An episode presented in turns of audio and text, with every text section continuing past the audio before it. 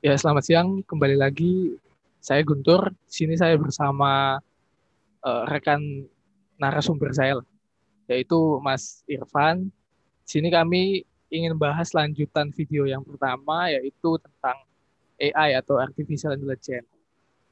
Apakah Artificial Intelligence itu kecerdasan buatan dapat mengalahkan kecerdasan manusia? Kan sekarang banyak di apa ya diperbincangkan bahwa nanti kecerdasan manusia akan digantikan sepenuhnya oleh kecerdasan buatan. Robot akan menggantikan pekerjaan manusia ataupun pekerjaan polisi akan digantikan oleh CCTV yang di jalan-jalan itu apa polantas. Terus uh, pekerjaan apalagi ya? Uh, drone. Drone akan menggantikan pekerjaan pilot beserta pembawa kamera untuk nyuting di atas pesawat dan lain sebagainya lah banyak yang merasakan tergantikan atau tersaingi oleh kecerdasan buatan. Ya, mungkin pengantar awalnya seperti itu. Uh, langsunglah Mas Irfan, kira-kira uh, seperti apa tanggapannya tentang AI dapat menggantikan kecerdasan manusia? Apakah bisa? Apakah belum bisa? Apakah pasti nggak bisa? Ya, langsung, monggo Mas Irfan manusia ini kan jumlahnya 7 atau 8 miliar ya. Nggak tahu udah bertambah atau belum di dunia ini. Nah, manusia butuh makan, butuh butuh pekerjaan untuk dia bertahan hidup. Kalau dulu zaman purba, ini saya bukan pakar AI ya, saya hanya seorang yang suka belajar aja ya. Kemudian kadang belajar yang ngawur, jadi bukan seorang yang expert di bidang AI itu ini ini dulu apa hashtagnya itu dulu di ditegaskan. Jadi kalau salah saya mohon maaf. Ya tadi manusia itu jumlahnya 7 atau 8 miliar. Jadi kalau manusia pekerjaannya akan tergantikan oleh AI mungkin dari dari aspek-aspek yang sifatnya teknis ya. Teknis ya. Kalau jumlah manusia tidak menyusut malah semakin bertambah, otomatis akan ada sistem demokrasi atau sistem pengambilan suara di mana manusia harus diberi ruang untuk bekerja nggak tahu nanti di, di bidang apa, di bagian apa, di bagian industri, di bagian apa, pasti ada sistem mekanisme pembagian kerja di situ. Kalau hampir dari sepertiga manusia atau setengahnya tidak bekerja, pasti ada demo besar-besaran, pasti ada chaos ya, pasti ada chaos di mana-mana. Nah kalau AI, AI sebagai polisi yang maksudnya AI itu mengabdi pada kepentingan 50% orang yang orang di muka bumi ini artinya AI harus memberangus 50% orang yang tidak bekerja itu. Ya, itu. Jadi jika manusia masih ada dan jumlahnya 7 miliar, artinya pembagian pekerjaan itu masih ada di bumi ya, di bumi. Kalau lingkupnya negara aja bisa revolusi itu kalau misalnya nggak ada pekerjaan, apa nggak ada yang penting makannya terjamin. Kalau AI bisa menjamin makan seseorang, maksudnya ada subsidi itu besar-besaran ya setiap hari mendistribusikan donat atau apel ke rumah-rumah tanpa orang perlu susah payah banting tulang, dodolan bakso, dodolan opo misal. Barangkali bisa. Manusia hanya perlu berolahraga, menjaga metabolisme tujuh, berbahagia, gitu. Barangkali bisa ya kayak gitu. Mungkin. Ya, uh, berarti kan kira-kira apa namanya kalau manusianya digantikan pekerjaannya untuk memenuhi kebutuhan sehari-hari lah itu mungkin bisa ya AI apa namanya di, di apa dicanangkan secara masif dan memang didukung oleh banyak pihak kan gitu.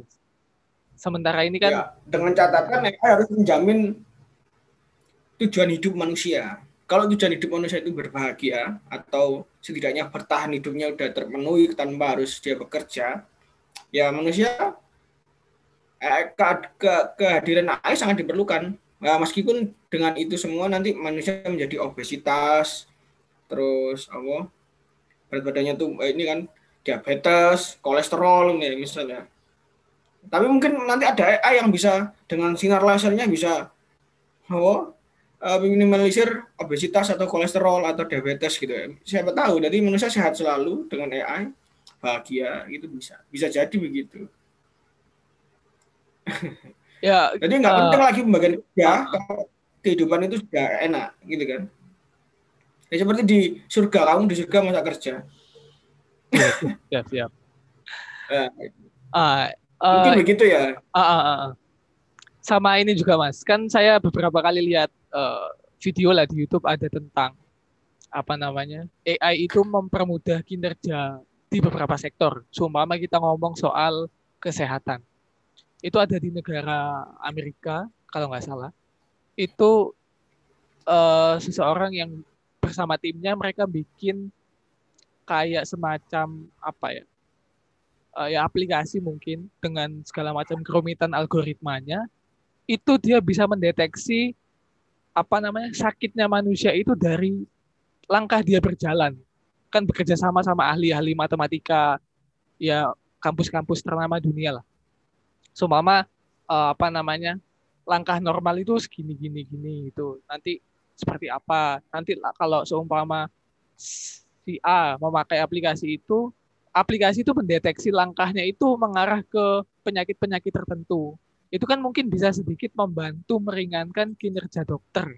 Mungkin bisa kayak gitu. Kalau di bidang kesehatan ataupun sekarang AI ya, apa atau aplikasi-aplikasi lah. Startup startup tentang kesehatan kan semakin banyak semakin merebak.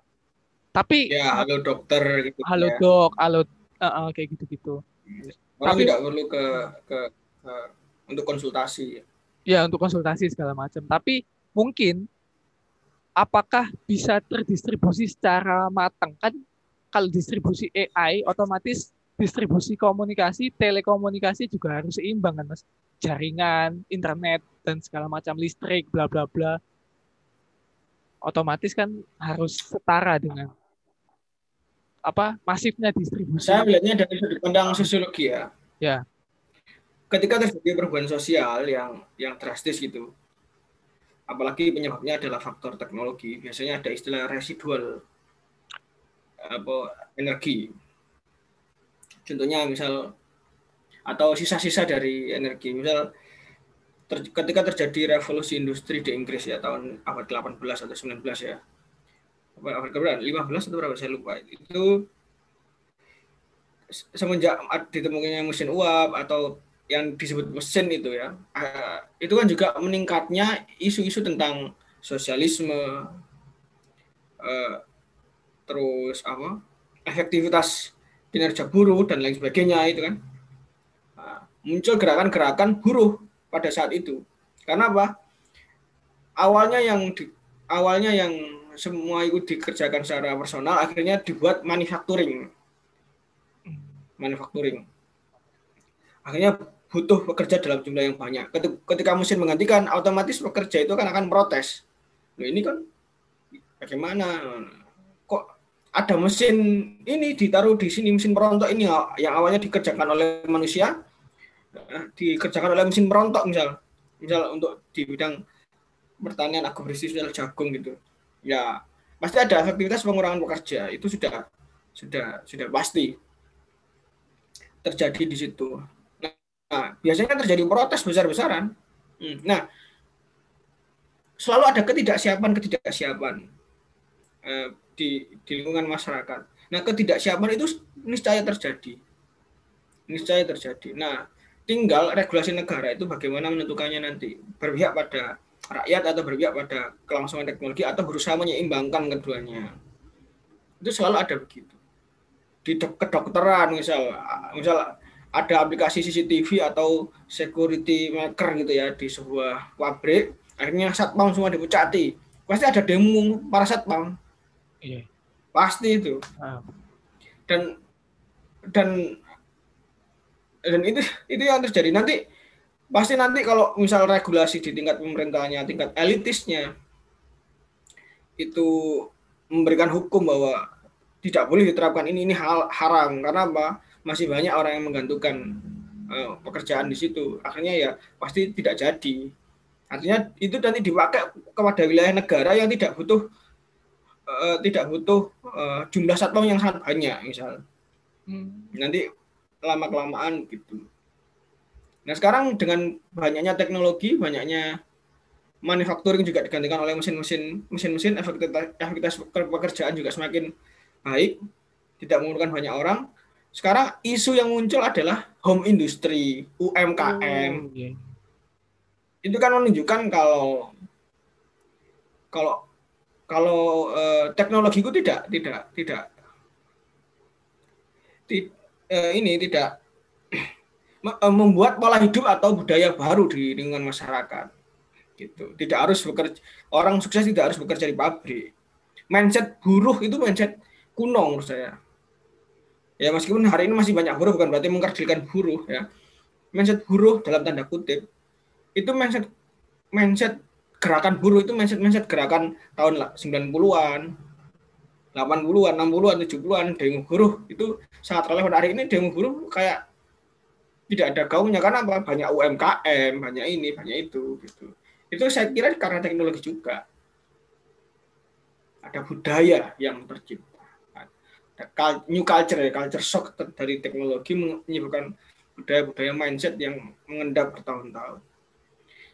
Itu sudut pandang sosiologinya hmm, ekonomi okay. apa nanti pasti uh, membuat mindset uh, uh, sempat juga ini mas saya melihat apa namanya aku melihat video itu mas di YouTube tentang Amazon Go Amazon itu Amazon itu kan ya hmm. ya salah satu raksasa startup lah di dunia ini kan ya berawal dari Silicon Valley dan lain sebagainya.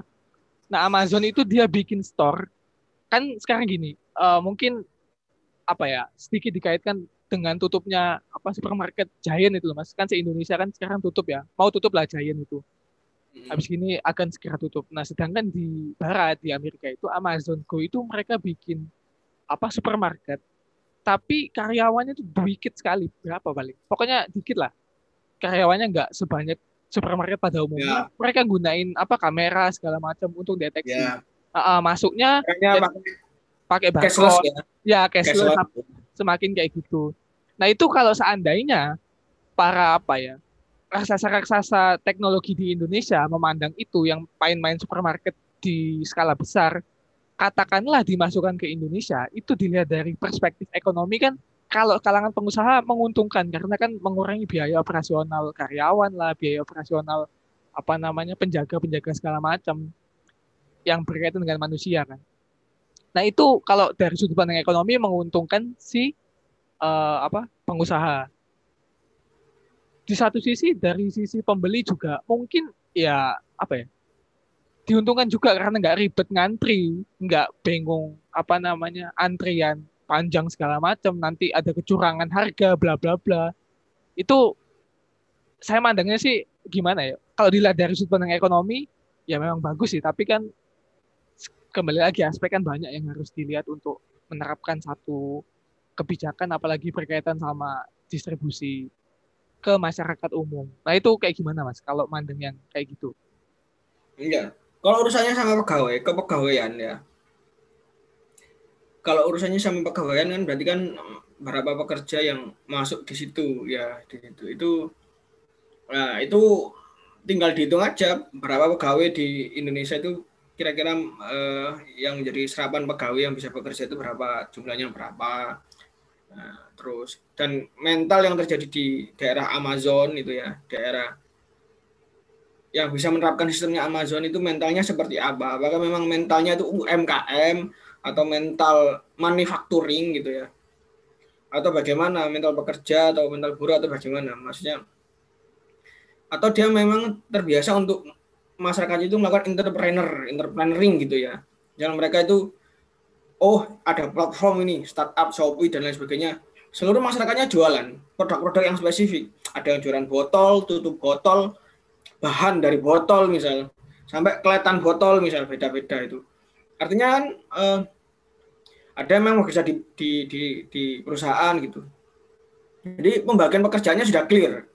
Kalau di Indonesia, pembagian pekerjaannya apakah sudah clear ini? Nah, yang berhasil itu adalah Gojek. Ya. Gojek, Grab. Awalnya kan Gojek. Gojek itu kan merubah mindset tukang ojek. Yang diubah mindsetnya kan tukang ojek itu tukang ojek. Awal-awal pertamanya sangat ramai. Padahal hanya salah satu bidang pekerjaan. Tukang ojek dulu masih tukang ojek ya, belum ada Grab car atau go, hmm. ya, masih tukang ojek. Itu rame penentangan di mana-mana, bahkan sempat dikurangi, bahkan pemerintah sempat mengubah banyak regulasi. penyesuaian-penyesuaian terus bagaimana cara Gojek ojek ya tukang pangkalan ojek pangkalan bisa menyatu dengan Gojek terus sekarang malah asosiasi Gojek lebih besar daripada yeah. asosiasi ojek pangkalan nah transisi itu selalu terjadi maksudnya konflik itu selalu terjadi dan teknologi memberikan satu konektivitas atau hubungan yang sifatnya itu sifatnya itu ini apa kan? Sistemik ya sistemik. Dan begitu itu tergantung mentalnya tergantung dari mentalnya. Dan seberapa seberapa nah ini uh, profitable itu dijalankan di masyarakat. Maksudnya masyarakat dalam khayal luas ya maksudnya begitu. Kalau aspeknya itu mengkerdilkan uh, kelompok orang atau golongan dalam jumlah yang sangat luas biasanya. Ya aku yakin efek dari Gojek diterapkan itu kemarin tuh masih banyak sisa-sisanya kan maksudnya yang menderita yang nggak bapak-bapak yang tidak bisa aplikasi Android. Mbahku misal sing tukang becak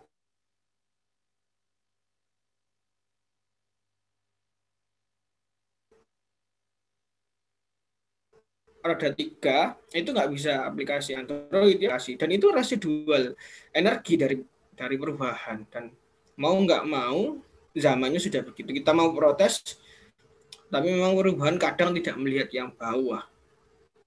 Itu sudah keniscayaan terjadi. Selalu ada begitu. Perubahan dari kerajaan ke negara juga negara ke sistem yang liberal juga gitu. Kayak gitulah. Oh, oke oke. Berarti jawab gak ya mau ya? Berarti kurang lebih gini apa kayak pemerataan ekonomi uh, apa ya kelas menengah ke bawah mungkin yang kurang dijangkau sama teknologi karena mungkin apa namanya teknologi itu kan apa ya terkesan menyasar menengah ke atas dengan segala macam kerumitannya kan pakai aplikasi segala macam. Ya tidak hanya ekonomi aja, knowledge-nya juga harus sampai. Knowledge, ah itu juga. Knowledge-nya nah, juga. Oke oke oke. Nah gini kalau kalau pengetahuan bahasa, dan mental tidak terbentuk nggak mungkin sampai itu. Oke oke. Oh berarti harus masalahnya di... teknologi tidak membawa mental dan tidak membawa membawa ini membawa knowledge. Teknologi hanyalah alat. Oke teknologi. Ya oke benar-benar ya hanya alat. Hmm. yang membawa knowledge yang membawa mental adalah media. Media yang di dalamnya ada para politician para para politisi ya maksud saya para budayawan para ini para ilmuwan Bisakah membawa mental itu? Masalahnya iklim keilmuan kita kan debat politik kan ya, debat ya, politik. Ya, ya, ya, setuju, setuju. Debat politik kan debat ya, ya hate speech, intoleransi, toleransi atau apa dan lain sebagainya. Ya agama gitu. Ya penting tapi bukan iklim yang membangun dalam dalam perspektif startup maupun satu model Silicon Valley ya mental mental Silicon Valley gitu. Sulit. Iya kan di media juga muncul apa namanya? Indonesia tuh pengen bikin semacam Silicon Valley lah, semacam Silicon Valley di daerah mana? Jawa Barat kalau nggak salah. Setahu saya sih Jawa Barat. Itu kayak mau bikin Silicon Valley. Nah itu kan banyak kajian-kajian yang gimana ya? Kalau aku mandangnya mas kenapa? Ya gimana ya, kalau sesuatu yang berbau teknologi perubahan zaman oke okay, mungkin pasti ada negatif positifnya tuh tapi kalau dikait-kaitkan sama politik praktis terus-menerus, nggak dikaitkan sama budaya masyarakat sekitar atau knowledge masyarakat sekitar yang Mas tadi apa sebutkan kan melalui siapa media mungkin salah satu apa uh, tools untuk mencerdaskan kehidupan bangsa mungkin gitulah kata-katanya. Nah itu gimana Mas untuk apa ya? Me, apa ya mengasih tahu teman-teman yang masih muda lah terutama kan startup itu kan menyasar teman-teman yang generasi apa milenial atau Gen Z lah. Untuk yang kamu nggak cuma pakai teknologi tapi teknologi itu ada apa sisi-sisi yang harus diperhatikan juga gitu mas. Itu kayak gimana Mas Irfan kayak pandangnya lah? Ya pertama membaca ya membaca. Pertama membaca, yang kedua mengikuti seluruh informasi yang beredar, yang baru penemuan-penemuan. Jadi orang yang punya mental Silicon Valley, maksudnya mental entrepreneur gitu ya, sama mental inova, inovasi gitu ya. Itu orang yang suka membaca penemuan-penemuan baru. Membaca hikayat-hikayat uh, biografi tokoh penemu gitu misalnya terus biografi tokoh sukses gitu itu biasanya begitu dia akhirnya terbangun mentalnya ya jadi tokoh-tokoh pelopor bangsa seperti Soekarno memang penting dipelajari lebih penting lagi kamu pelajari Soekarno dan Steve Jobs misal gitu ya ya, ya. Hmm. itu itu dari mental-mental um, um, reformasi mental-mental revolusi atau modern dan postmodern modern modern dalam bentuk teori yang zaman dahulu itu penting memang dipelajari sebagai satu bentuk referensi. Tapi lebih penting lagi adalah juga tokoh-tokoh mutakhir ya, tokoh-tokoh yang dia melihat masa depan. Dari sejarah tokoh masa depan yang melihat masa depan dalam aspek-aspek sains itu juga perlu diperhatikan karena Silicon Valley itu berkembang dalam mode sains ya. Tadi mempelajari sains dan peluang masa depan itu penting. Membentuk mental bisnis, mental apa? Karena pasca terbentuknya uh, pasca milenial ya, pasca milenium tahun eh, zaman milenium kedua tahun dari buka atas itu yang ngetren itu adalah uh, bisnis kan ya. ya ngetren yang ngetren itu maksudnya mental mental pengusaha mental mental kreativitas mental mental orang-orang uh, pelatihan pelatihan skill mangsa skill soft skill generasi apa generasi apa generasi milenial yang kemudian melahirkan satu generasi-generasi baru dan sebagainya. Dan dari itu, kalau kita menunggu dari negara sementara kondisi negara kita misal banyak brokernya, banyak politisinya, banyak apanya gitu. Ya nggak tahu saya tidak tidak pesimis tapi kita mulai saja dari diri kita sendiri. Hmm. Kita ketika melihat dunia ini hmm, kita punya uh, punya ini apa enggak punya apa uh, skill nggak? Skill dalam melihat hulu dan hilir dari benda yang kita lihat misal. Botol aqua atau botol ades misal. Ini botolnya terbuat dari apa? Terus hmm. bagaimana cara melihat ini dari perspektif bisnis atau dimonetisasi bagaimana dan sebagainya itu. Itu skill itu itu. Itu butuh mental.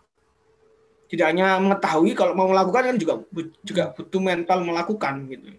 Nggak bisa kalau kita nggak pada situasi yang practically lah kita kan gimana ya saya yakin Indonesia juga banyak kayak gitu cuman uh, pada ruang-ruang yang mungkin tidak accessible gitu tapi sebenarnya banyak atau kamu ciptakan aja lingkungan kondisi-kondisi yang selalu diskusi tentang bisnis apa gitu Oke oke. Silicon Valley kan uh, kenapa kok? Ya. Gimana mas? Nah, itu, itu, itu aja dulu ya. Ah, oke, okay, okay. Uh, gini, kan uh, dari tadi kita bahas Silicon Valley, kan memang mungkin apa raksasa teknologi dimulai dari Amerika kan, dari negara-negara yang memang maju, dikaya segala macam. Tapi ada juga negara yang terkesan diremehkan sama Amerika, tapi juga punya kecanggihan teknologi yang nggak nggak kalah maju lah sama Amerika. Itu Cina, yang aku lihat itu Cina. Cina itu hampir di setiap jalan tuh ada kamera pengawas atau CCTV lah. Ada CCTV untuk ngintai katanya sih untuk ngintai kejahatan, untuk memper apa mengurangi tingkat kejahatan segala macam, tingkat ke apa terorisme lah, pembunuhan lah segala macam bla bla bla atau mengurangi tingkat kecelakaan dengan apa namanya? memperbaiki ya, sarana jalan. Iya, iya. Iya, ya. Nah, berarti kan kalau uh, ada permasalahan baru yang didiskusikan di beberapa video YouTube itu tentang kamera pengawas. Apa ya selalu berkaitan tentang privatisa privatisasi data kan. Di satu sisi orang mau transparan pengen tahu segalanya lah.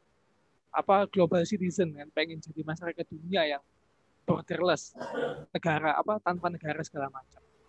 Tapi di satu sisi juga tiap individu kan punya hak untuk privat gitu. hak untuk datanya tidak diketahui oleh banyak pihak nah, itu kan dua sisi mata uang yang sulit apa ya sulit untuk di, diaplikasikan secara cepat dan efektif nah, itu gimana mas kalau memandang itu tentang privatisasi ya.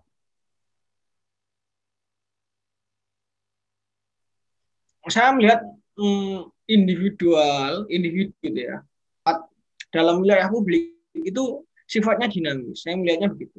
Enggak bukan sesuatu yang tetap gitu. Saya melihatnya itu dinamis. Contohnya begini, dulu nenek moyang kita nggak punya identitas kamu orang Indonesia, nggak punya identitas itu. Nah, kemudian ditanya Indonesia bagian mana? Jawa Timur. Nggak punya identitas yang besar, yang lo lokalnya sampai begitu. Nah, sekarang saya itu orang Indonesia, jadi ada identitas. Hmm, dari bagian dari dan itu saya mengakui itu tidak menjadi bagian dari hal privat yang saya lindungi. Hmm, hmm. Ya, tapi kalau kamu di di apa di di misal di mana gitu ada orang yang misal saya identitas Malang saya eh, identitas misal saya bonek saya ya ini sekarang bonek saya yakin bonek sama Arema ini kan apa tidak tidak berseteru ya saya amin lah. Kalau saya ke Malang itu kadang kan bermasalah ketika saya mengaku bonek. Hmm, ada pandangan ini akhirnya saya apa? Itu menjadi privat saya. Ini kan saya saya nggak boleh mengaku. Nah, saya Indonesia juga bisa berkonflik dengan Malaysia ketemu sama orang Malaysia dalam kondisi emosi yang kayak gimana gitu. Saya mengaku Indonesia juga jadi persoalan, tapi bagi sebagian orang tidak menjadi persoalan. Tapi dalam skup Indonesia mengaku Indonesia itu bukanlah hal privat. Nanti di, di breakdown lagi eh, mengakui nama saja itu menjadi hal privat. Mengakui nama misal nama saya Muhammad Irfansyah.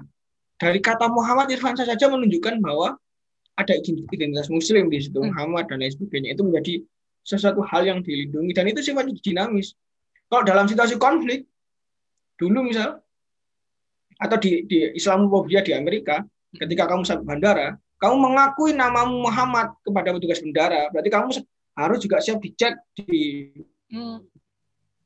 bandara kamu teroris atau bukan di mana dan lain sebagainya dulu ketika misal 911 Hmm, nah, itu menjadi menjadi hal yang yang yang yang mengkhawatirkan hmm, dalam situasi konflik. Nah, kalau privatisasi terjadi tidak dalam eh, situasi, situasi konflik, saya yakin orang tidak sempat memikirkan situasi yang sifatnya kayak gitu. Semua akan diumbar ke mana-mana, mas ya, karena tidak ada sesuatu yang membahayakan bagi dia. Kecuali aspek-aspek yang sifatnya mendasar ber, berbasis ketubuhan gitu ya, atau berbasis aib misal, oh Irfan dia suka apa gitu di mana gitu itu itu akan akan akan akan mengerikan sekali karena itu berhubungan dengan sifat dan karakter dan apa dan lain Tapi kalau itu berhubungan dengan karakter dan sifat yang positif yang berguna untuk kita melamar kerja dan lain sebagainya, saya yakin itu kita fan fan, fan aja. Atau sikap buruk tapi itu berguna untuk publik, publik mengetahuinya. Misal Guntur ini ternyata dia mantan teroris dan lain sebagainya. Negara wajib mengetahui itu. Karena apa? kamu berada pada lingkungan negara di mana negara dibentuk atas kontrak sosial gitu. Hmm. Jadi itu. Jadi batas privatisasi itu sangat sangat ini sangat dinamis ya. Tidak bisa kemudian apa sih yang privat dari, dari aku ini nggak mau privatku diganggu. Hmm. Itu maksudnya gimana privat nggak mau diganggu? Ketika regulasi negara menentukan ini, ya kamu harus menentukan. Kalau kamu tidak mau terlibat dalam situasi yang kayak gitu, ya kamu ke hutan karena kamu memutuskan bernegara. Kamu harusnya menolak negara, fan-fan aja. Bagi saya tidak masalah menolak negara atau menolak sistem hukum yang sifatnya memaksa, gitu ya. Hukum sifatnya memaksa memang. Kalau nggak mau dipaksa oleh hukum, ya jangan bernegara, gitu. Oke oke oke ya, ya. Apalagi dalam ya karena ada hukum hmm, regulasi. Kecuali kamu mau tidak ingin membentuk satu negara. Nah, nanti sistem iklim teknologi yang kemudian untuk satu globalisme ya globalisasi teknologi akan memaksa dengan sendirinya seperti kita dipaksa untuk pegang HP ya terkesan tidak memaksa tapi mengimpuls alam bawah sadar kita. Atau tukang ojek dipaksa untuk belajar tentang map dan lain sebagainya. Yang juga artificial intelligence map itu kan ya. Itu pasti terjadi itu. Itu itu itu privatisasi. Nah masalahnya begini kenapa Cina itu dipermasalahkan? Ya. Soalnya berhubungan dengan data yang kaitannya silang negara gitu kan ya oh, oh oke okay, oke okay. sementara ya, ya. negara itu kan melakukan persaingan usaha mm perang juga Nah, welfare state lah, uh, uh, uh, persaingan industri dan lain sebagainya. Jadi dengan bocornya data, takutnya ada satu tindakan uh, penetratif untuk menyerang atau menghack atau apa gitu dan lain sebagainya terus membuat dia menyalahkan gitu kan ada operasi-operasi intelijen dan lain sebagainya. Itu yang dikhawatirkan. Le, le, dataku le, aku sebagai rakyat biasa ya dataku dicolong aku sopo ya? Iya iya. Boleh iya. Oke oke oke. Aku aku nggak terlalu nggak terlalu jai nggak terlalu ini nggak terlalu pede bahwa dataku itu penting. Tapi memang berjaga-jaga itu penting memang. Memang kita harus tahu bordering kita di sebelah mana, status geopolitik kayak gimana, apakah kita patut membocorkan data. Hmm. Dengan kita masuk Facebook aja itu udah hmm, hmm. pilihan ya, secara ya, ya. sadar kita untuk membocorkan data kan. Jadi ya, benar, benar. Facebook dataku ya gak apa-apa. Tapi misal aku gak pengen dataku bocor ya gak Facebookan. Hmm.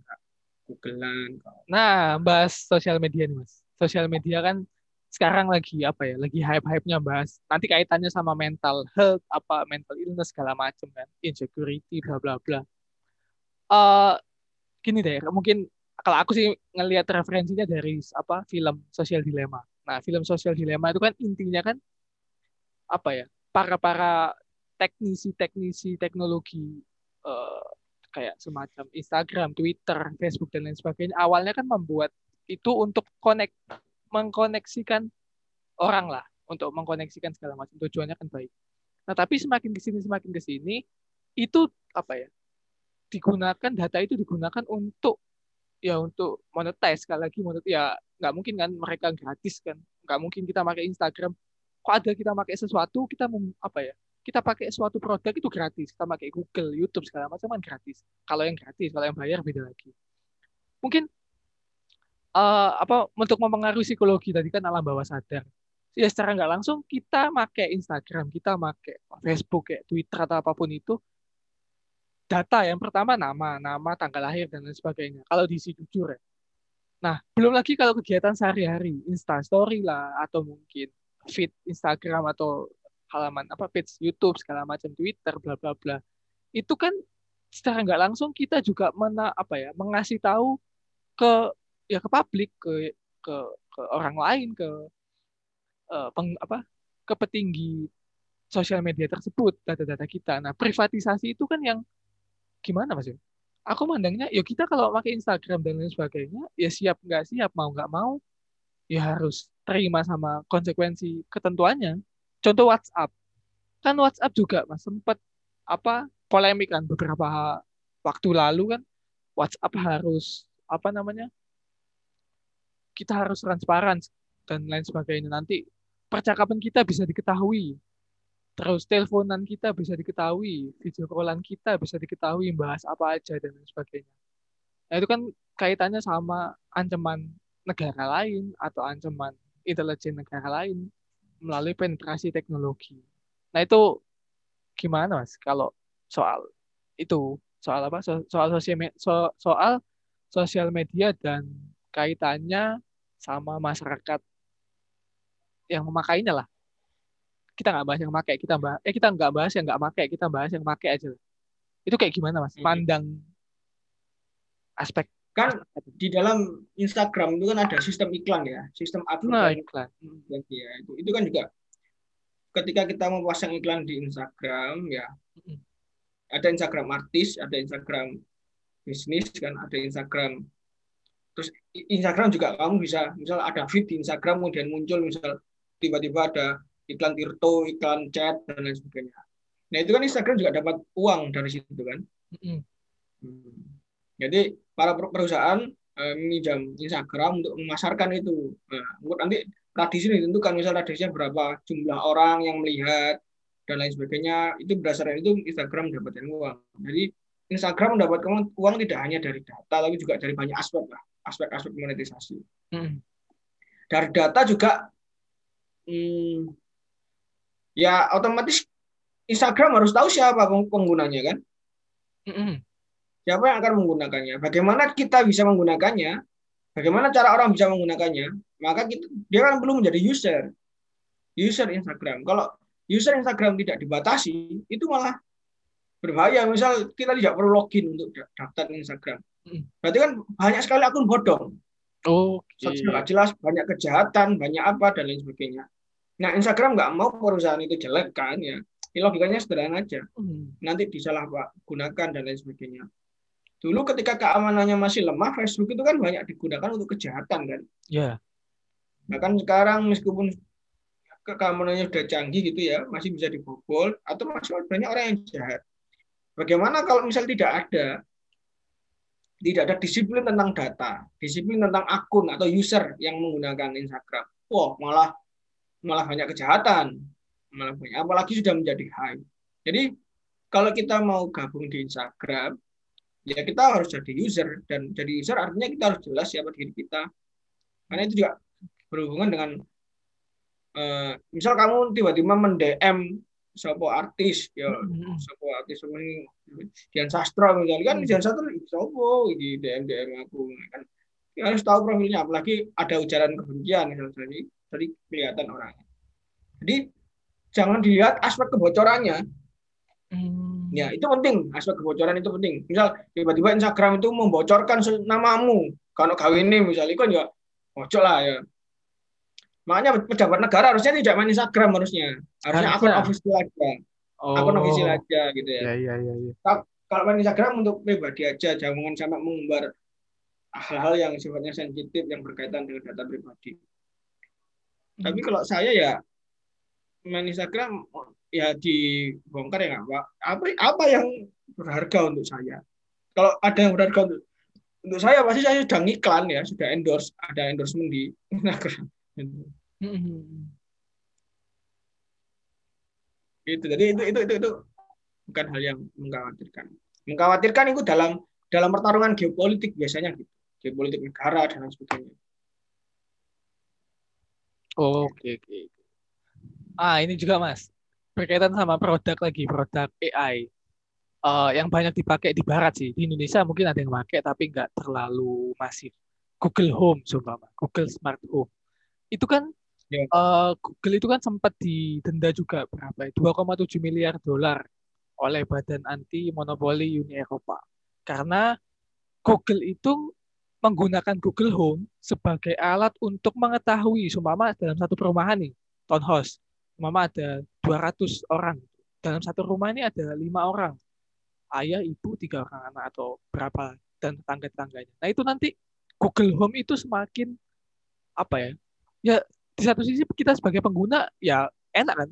Datang tinggal apa buka pintu atau ngapain lah mau ngapain perintahnya suara kan? Atau mungkin sidik jari atau apalah. Pokoknya yang lebih simpel daripada biasanya. Ya. Google nyalakan lampu gitu kan ya? Ah, Google nyalakan ah, kayak ya. gitu. Tapi ada uh, apa berita bahwa Google itu menggunakan Google Smart Home itu untuk mengontrol mungkin bisa dikatakan apa ya mengawasi lah, mengawasi orang-orang yang memakai itu. Nah itu apa memang harus diawasi kayak gitu atau apa ya kayak batasan-batasan itu loh mas kayak gimana gitu mandang kalau seumpama dipakai nah, itu, nah, besok, itu regulasi antara Google dan dan kebijakan sebuah negara. Hmm. Biasanya Google ketika dia mempublikasi itu ya itu bersinggungan dengan hukum misal yang terjadi di Amerika atau di mana itu biasanya bersinggungan di situ. Nah, sementara orang-orang di luar diri kita tidak boleh mengetahui atau harus melindungi privasi pribadi kita. Tidak boleh mengetahui atau mencuri privasi kita. Itu namanya kan mengganggu kenyamanan ya. Itu kayak gitu. Itu itu bisa dikenakan dikenakan sanksi, dikenakan denda memang Google bisa begitu. Nah, akan tidak terjadi begitu ketika apa? Regulasi, regulasinya diganti. Jadi Google itu berusaha menawarkan kepada pihak otoritas atau parlemen gitu ya atau senat di Amerika untuk mengganti uh, ini sekuritas ya, atau uh, hukum sekuritas yang terjadi di di negara itu atau bahkan bekerja sama dengan Google. Jadi ketika data itu masuk Google, aspek keamanannya terjamin. Oh, gitu. Dan hanya bisa dibuka oleh badan intelijen dalam dalam ini dalam situasi-situasi yang khusus kan.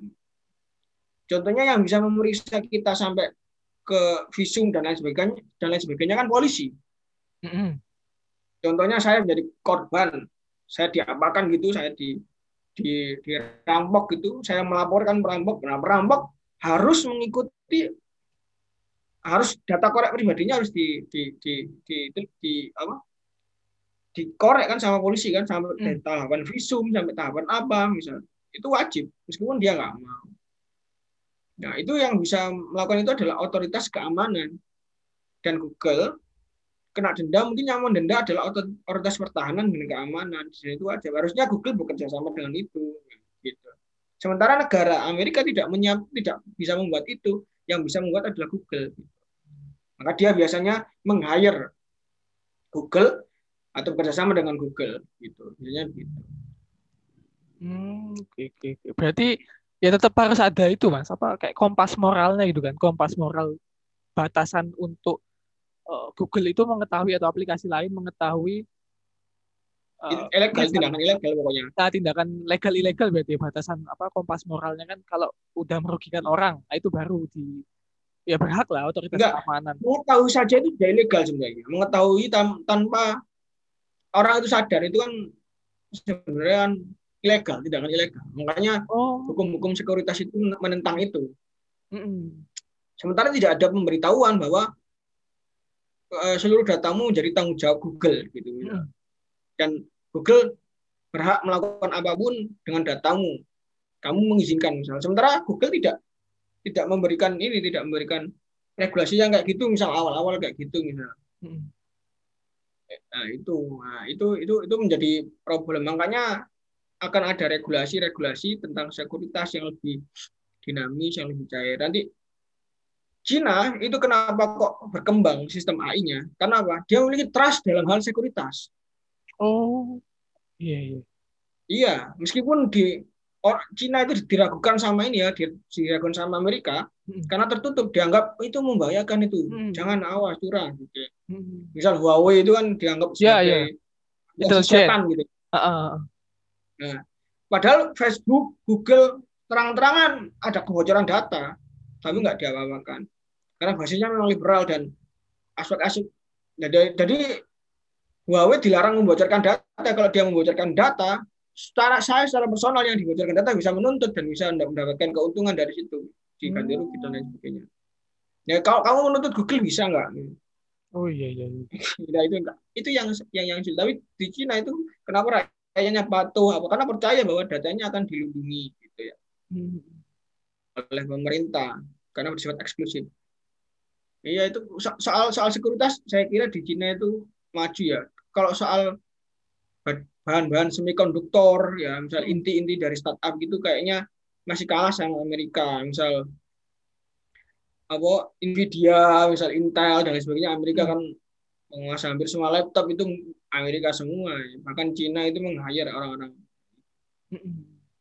itu ya. Soal privatisasi itu dinamis soal soal eh, kompas moral regulasi juga. Saya kira nanti negara mempertimbangkan itu. Makanya biasanya eh, pengusaha Google punya parlemen di pemerintah untuk bisa bisa mengum- mengubah undang-undang seperti pengusaha Indonesia untuk bisa dapat proyekan kelapa sawit ya atau apa dia Oh iya iya iya. iya. masuk fraksi PDI lah intinya ngono. Oh, oke. Oh berarti eh, apa ya kaitan keamanan privatisasi ya balik ke negara masing-masing sesuai dengan Iya. regulasi negara juga. Dan aku yakin mental health dan lain sebagainya itu Heeh. pasti ada ini, pasti ada penyakit-penyakit baru kan, pasti ada jenis-jenis penyakit baru yang terjadi karena teknologi, karena apa, dengan, suasana yang baru.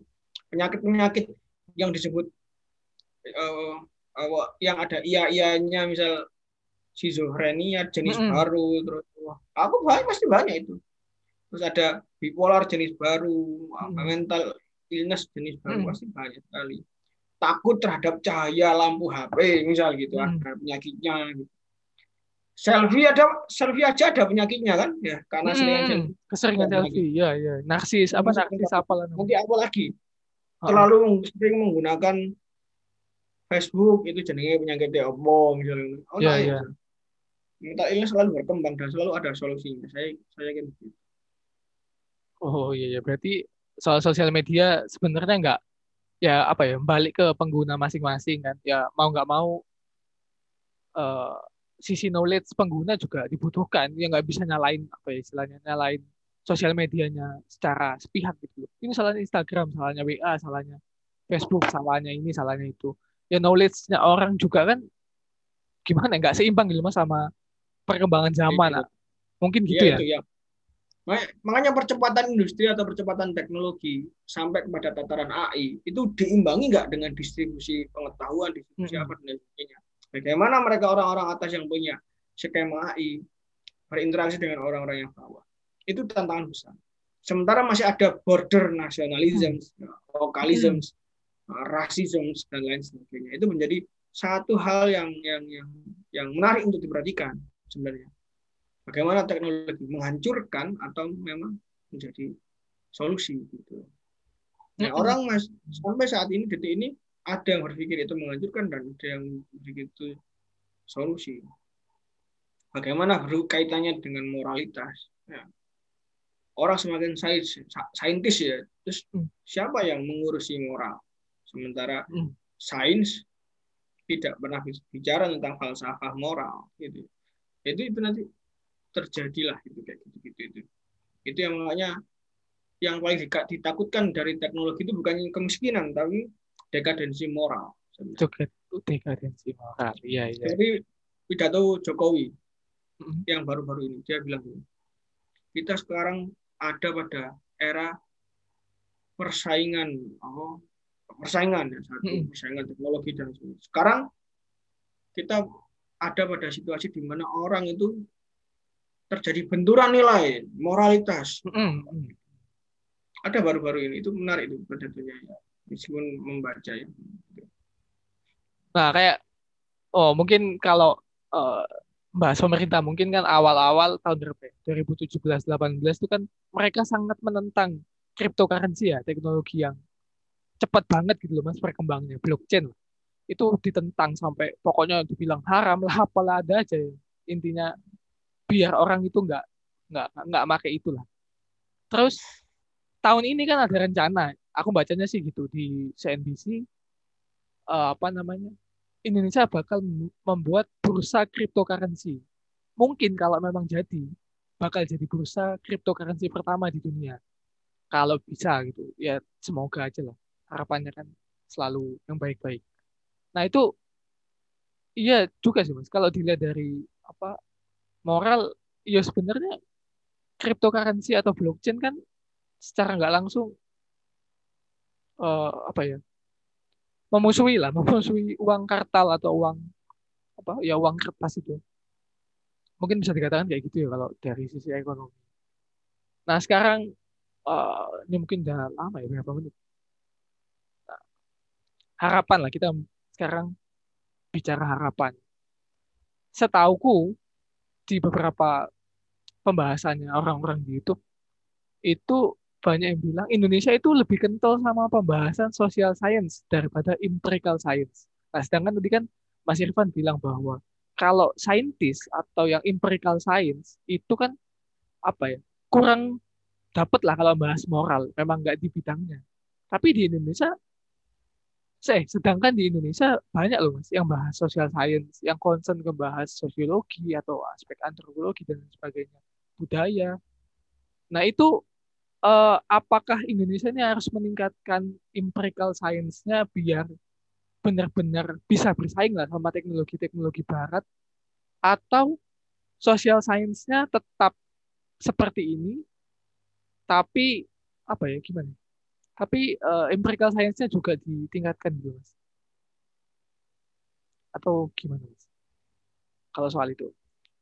Harapan. Iya, harapan tentang science. Kan social science lebih banyak di Indonesia dibahas daripada empirical science. Sedangkan teknologi kan butuh pembahasan empirical science butuh teknisi-teknisi IT lah.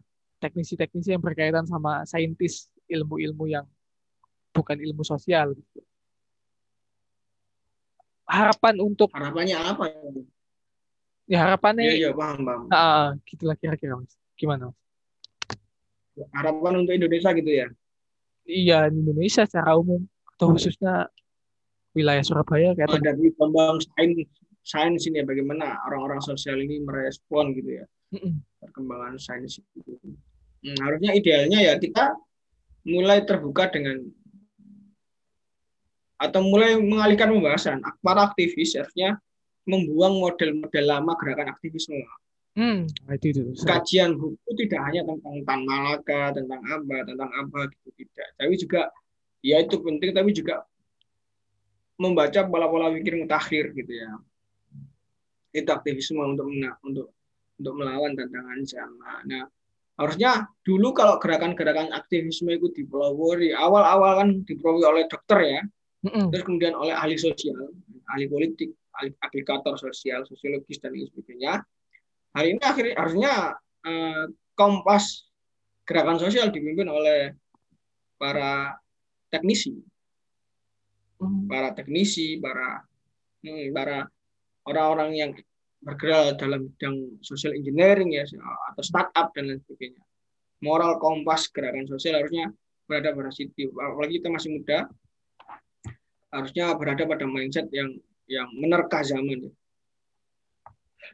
itu itu sih sebenarnya secara kalau kita mengharapkan mengharapkan manusia Indonesia agar sadar sains dan lain sebagainya itu itu sebenarnya saya nggak bisa begitu karena hmm. sadar nggak sadar itu bukan bukan urusan saya tapi setidaknya eh, kalau bagi saya sendiri ya itu harus saya harus membaca situasi zaman gitu aja. Saya tidak sedang menginginkan kita besok itu akan bisa terbang, bisa punya hmm. enggak gitu, tapi dengan situasi yang seperti ini memang idealnya kita harus bisa merespon zaman itu itu ya. supaya bisa bertahan hidup bisa terus gak kaget kondisi sosial kita juga gak ada yang kelaparan gitu aja itu itu itu ya itu toh sebatas alat kan teknologi ya mm -hmm. mm, gitu. ya mungkin kan apa ya harapan kita bersama lah teman-teman yang muda-muda yang mahasiswa mahasiswa kan. Apa ya? Yang yang menjembatani orang yang uh, uh, yang buta teknologi dengan atau orang yang buta peradaban ya dengan itu. Itu harusnya tugas kita itu, itu. ya mungkin ap, apa nggak nggak terlalu banyak bahas politik praktis mungkin bisa kayak gitu maksud maksudnya biar nggak uh, yang dibahas itu aja gitu loh. Jadi ya, politik praktis. mahasiswa. Boleh ya. Jangan buta politik. Jangan uh, buta politik karena enggak enggak bukan, iya. bukan gitu. Karena untuk meng untuk mendapatkan mendapatkan investor kita juga harus punya skill komunikasi politik ya. Hmm.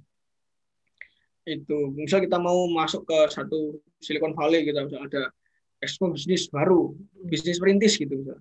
Nah kita harus punya skill aplikator skill apa skill apa gitu oh berarti lebih tepatnya dikatakan harus diseimbangkan gitu sosial science, iya, iya, science, skill-skill, skill-skill kayak gitu. Hmm.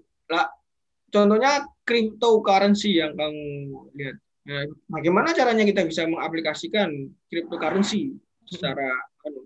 Sementara cryptocurrency apa sendiri saja kita nggak tahu. Kalau uang kan jelas ya, itu ya, kertas, ya. kan, bisa disobek, kan. Orang, oh ini pengganti uang ini, pengganti apa beras, pengganti apa jelas. Nah cryptocurrency nggak dipegang, nggak dipegang. Barangnya apa orang nggak dijelaskan. Apa apa bedanya cryptocurrency dengan pulsa? Dengan apa? Dengan metode apa cryptocurrency itu dipakai? Kan abstrak. Pakai metode kriptografi kan untuk menentukannya itu. Bendanya kayak gimana? Jumlahnya berapa di dunia ini gitu. Kok kemudian dia bebas, tidak ada kepemilikannya. Hmm. Gitu. Terus bisa di tracing sampai blockchain gitu. Ya. Iya, iya, iya. Maksudnya ada kepemilikannya tapi pemilik awalnya misal Bitcoin itu sudah nggak ada, ya kan? Setelah dia hmm. jual berapa gitu, sudah nggak ada. Kuncinya dibuang gitu kan, buat hmm. Bitcoin terus kuncinya dibuang. Gitu. Nah, Indonesia mau menerapkan itu menjadi satu sistem mata uang. Yo, nggak apa-apa. Iya, terus ber, ber, akhir artinya perbankan ya siap-siap gulung tikar gitu. Ya, ya. Benar-benar. Hmm perbankan siap-siap. Ya kalau nggak ada orang juga dalam transaksi Bitcoin, ya Nggak ada bank ini adalah orang ketiga kan. Mm-mm. Nah itu itu itu, itu ini itu satu bagian dari globalisasi kan ya, satu bagian dari visi globalisme itu itu itu ya penting untuk dipersiapkan. Nah, kan tapi kan kita lagi penting lagi rame-ramenya mempersiapkan ini kan uh, pemilu 2024. Jadi kayaknya gitu agak sulit gitu. Hmm. Iya iya iya. Lagi apa? Lagi sibuk ke sana kayaknya teman-teman. Head, head switch lagi sibuk ya. Lagi sibuk, sibuk Covid gitu kan. Dana haji gitu. Ya mungkin uh, segini dulu lah mas pembicaraannya. Ntar next kalau seumpama Mas Irfan ada waktu lagi kapan kita bahas tentang AI dan penerapan taktisnya. Jadi langsung jelas aplikasi apa segala macam. Jadi kita Iya. obrolin yang ini kan masih konsep mungkin secara umum atau general secara hukum nanti sosial apa sosiologinya dan uh, aspek masyarakatnya nanti next kita bahas yang memang benar-benar taktis. Ya.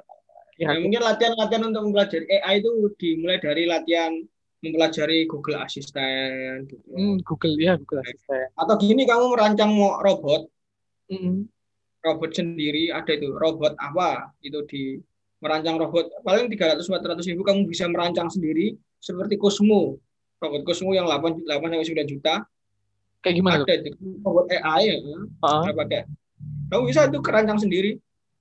Di di YouTube kamu tinggal merakit dan install install gitu driver dan lain sebagainya nanti robotnya bisa bisa muter-muter bisa apa bisa menjawab. Oh, oke oke oke, iya, iya, tahu tahu. Pernah lihat di YouTube ada yang kayak gitu. nah ada robot Oh. Cosmo Kalau robot Cosmo sudah diperjualbelikan harganya 8 sampai 9 juta yang punyanya Reza Arab gitu yang eh, itu Ah, ah, ada- iya iya. Oh, itu namanya robot Cosmo. iya robot Iya, iya. robot-robot kayak gitu terus kamu bisa ngerakit sendiri misal kamu ingin mempelajari kayak gitu mempelajari sistemnya apanya gitu. Hmm. terus game-game sekarang juga pakai kadang-kadang ada juga pakai AI misal ini siapa? Tencent itu kan Tencent itu kan Hmm, salah satu di bisnis di China juga kan. Hmm. Alibaba Tencent sama apa itu satunya itu itu. Tencent itu. Seluruh aplikasi kita itu kan rata-rata kalau nggak dari Cina juga dari Amerika dari Ya. Amerika. Nah kita coba buat aplikasi sendiri atau apa nah, cut ya itu hmm. Ya ntar ya itu uh, bahas lebih ke taktis lah mas. Maksudnya kira-kira penerapannya kayak gimana di masyarakat yang apa terkesan kayak kan kalau kita ngomong kayak gini kan kesannya kayak wah ngomong apa sih masyarakat pada umumnya kan teknologi segala macam kan banyak mungkin yang masih alah paling ya dipandangnya cuma sebatas HP, video callan dan sebagainya. ini Iya. ini tuh perkembangan ini terjadi nggak sampai kurun waktu 50 tahun loh ya Iya benar. 50 50 nggak nggak sampai bayangkan Iya. kalau 100 200 300 tahun lagi bagaimana ini masih belum 50 tahun aja sudah kayak gini Mm-mm. Cepet banget. saya duduk di sini bilang oke Google Mm-mm. oh HP ku nyala putar lagu ini nyala langsung loh ini nyala tak paten saya gitu loh oh nyala ngomong oke Google tak loh langsung anu, dia tahu siapa nama saya juga Ya itulah. Itu kan satu perubahan yang cepat banget gitu. Yang nggak sangka-sangka tiba-tiba udah wah kok, kok udah kayak gini gitu loh zaman sekarang. Jarang yang apa nyangka hal-hal kayak gini bisa terjadi. Tapi kan next ya kita harus malah sih malah bahas. iya malah Siri nggak pakai oke Siri ya kalau Nggak, Siri itu Siri Nggak pakai ya, Siri. langsung ngomong dengan Langsung ngomong tuh. Heeh. Nggak ada brand max. Oke Google. Bisa jadi ke depannya kamu bisa namain HP-mu sendiri. Misal Hmm, kamu iya, namain pacarmu siapa gitu Heeh. tolong ini dong putar musik ya bisa. Itu seperti film ini Her. Film Her tau nggak? Film Her. Heeh. itu. Sampai A, sampai AI itu nyewa pelacur Heeh. untuk pura-pura menjadi dirinya bisa bersetubuh dengan majikannya. Oh. Dan majikannya disuruh tutup mata dan membayangkan bahwa dia itu hidup. Sampai nyamannya sampai jatuh cinta sama AI itu film Her Oh iya iya iya. Tahu tahu tahu.